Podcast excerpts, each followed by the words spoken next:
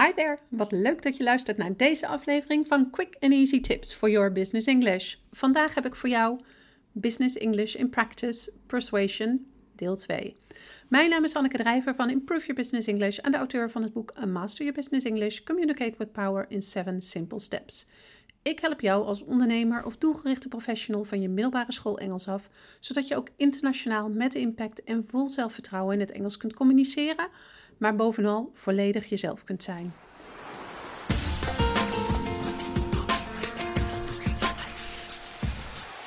Twee weken geleden heb ik je in de podcast verteld over een bekende methode die bijdraagt aan het verbeteren van je overtuigingsskills. Deze methode is ontwikkeld door Alan H. Monroe bijna zo'n 100 jaar geleden. Desondanks is dit nog steeds een super relevante methode die jij in je zakelijke en misschien ook wel je persoonlijke leven kunt toepassen. De methode wordt ook wel de Motivated Sequence of de Monroe Sequence genoemd en bestaat uit vijf onderdelen: aandacht, behoefte, tevredenheid, visualisatie en actie. Vorige week heb ik je alle ins en outs verteld over het eerste onderdeel van de Monroe Sequence. Ik heb je uitgelegd dat het ten eerste belangrijk is om goed na te gaan wie je moet overtuigen van wat. Je moet namelijk eerst de aandacht van degene die je wilt overtuigen te pakken krijgen door de relevantie van het onderwerp vast te stellen. En met een aantal verschillende voorbeelden van pakkende openingen, zoals een retorische vraag of een quote, heb ik je verteld hoe je die relevantie pakkend over kunt brengen, waarna je aan de slag kunt gaan met je overtuiging. Als je de aandacht te pakken hebt, is dat een check voor één onderdeel van de Monroe Sequence. Maar wat dan? Het tweede onderdeel is behoefte. Tijdens dit onderdeel breng je over dat er een bepaald probleem is. Door dit probleem op een duidelijke manier in kaart te brengen, bereid je degene die je wilt overtuigen voor om akkoord te gaan met jouw oplossing. Om dit op een juiste manier te doen, stel je jezelf eerst een aantal vragen. Is er een probleem? Wat is het probleem precies? Hoe moet dit probleem verholpen worden? Gezien het feit dat je iemand wilt gaan overtuigen, is het antwoord op de eerste vraag zeker ja. Ga vervolgens goed bij jezelf na wat het probleem nou precies is. Je moet er namelijk toe in staat zijn dit haarfijn uit te leggen aan je baas of collega's. Wat is het probleem nu precies? En misschien nog wel belangrijker, waarom is dit een probleem? Om dit overtuigend over te brengen, is het ook belangrijk om je af te vragen hoe dit probleem invloed heeft op degene die je wilt overtuigen. Misschien herinner je je de voorbeelden nog die ik je bij de vorige podcast gaf. Ten eerste las ik voor hoe Piet een groep probeerde te overtuigen en daarna was het voorbeeld van Beth aan de beurt. Beth's overtuiging was om meerdere redenen een stuk pakkender dan die van Piet. Weet je nog? Ik lees ter illustratie de overtuiging van Beth nogmaals voor. Het voorstel van Beth. Last month, we lost approximately $12,000 due to the understaffing of Jack and Susie's department. If I were to say that I think we can easily solve this and make more profit on top of this, would you be interested in listening to my solution? Yes? Well, if we were to hire another staff member, Jack and Susie's workload could be divided between the three of them instead of only the two of them. This would subsequently lead to us being able to take on more customers and even double our yearly income.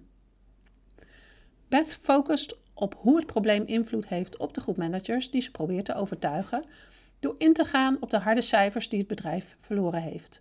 Door op een duidelijke manier te vertellen wat er anders moet, zoals Beth in het voorbeeld, wordt degene die je moet overtuigen impliciet al lekker gemaakt voor een oplossing. Want wie wil een probleem nou niet oplossen? Al helemaal als het duidelijk wordt dat het ook invloed heeft op jezelf.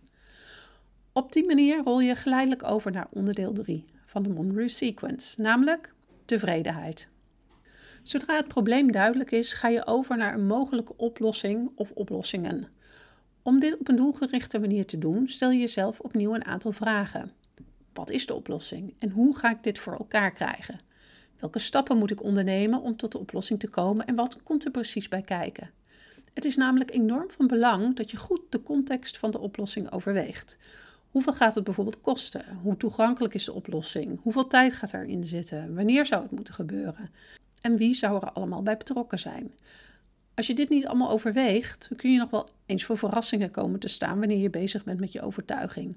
Je opening kan dan nog zo pakkend zijn en je probleemschets nog zo doelgericht, maar als je geen duidelijk ingekaderde oplossing kunt aanbieden, is de kans klein dat je overtuiging ook echt gaat lukken. Als je deze zaken hebt overwogen, is het net zo belangrijk om ze op een gestructureerde manier over te brengen op degene die je wilt overtuigen. Maak hiervoor bijvoorbeeld een stappenplan. De oplossing zelf kan ingewikkeld of moeilijk zijn, dus zorg ervoor dat je stap voor stap uitlegt hoe de oplossing tot stand komt. Vertel hierbij zoveel mogelijk details en vertel ook stappen die in eerste instantie voor de hand liggend lijken. Vandaag heb ik je verteld dat het belangrijk is om in te spelen op de behoeften van degene die je wilt overtuigen. Door een probleem duidelijk uit te leggen en aan te geven hoe dit invloed heeft op verschillende partijen, rol je namelijk gemakkelijk door op een oplossing. Het is vervolgens belangrijk dat je die oplossing stap voor stap en zo duidelijk mogelijk uitlegt met zoveel mogelijk details.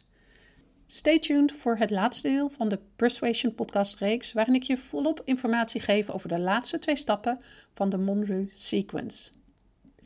Als je deze aflevering hebt geluisterd, zou ik het enorm op prijs stellen als je een review voor ons zou willen achterlaten op SoundCloud, iTunes of YouTube.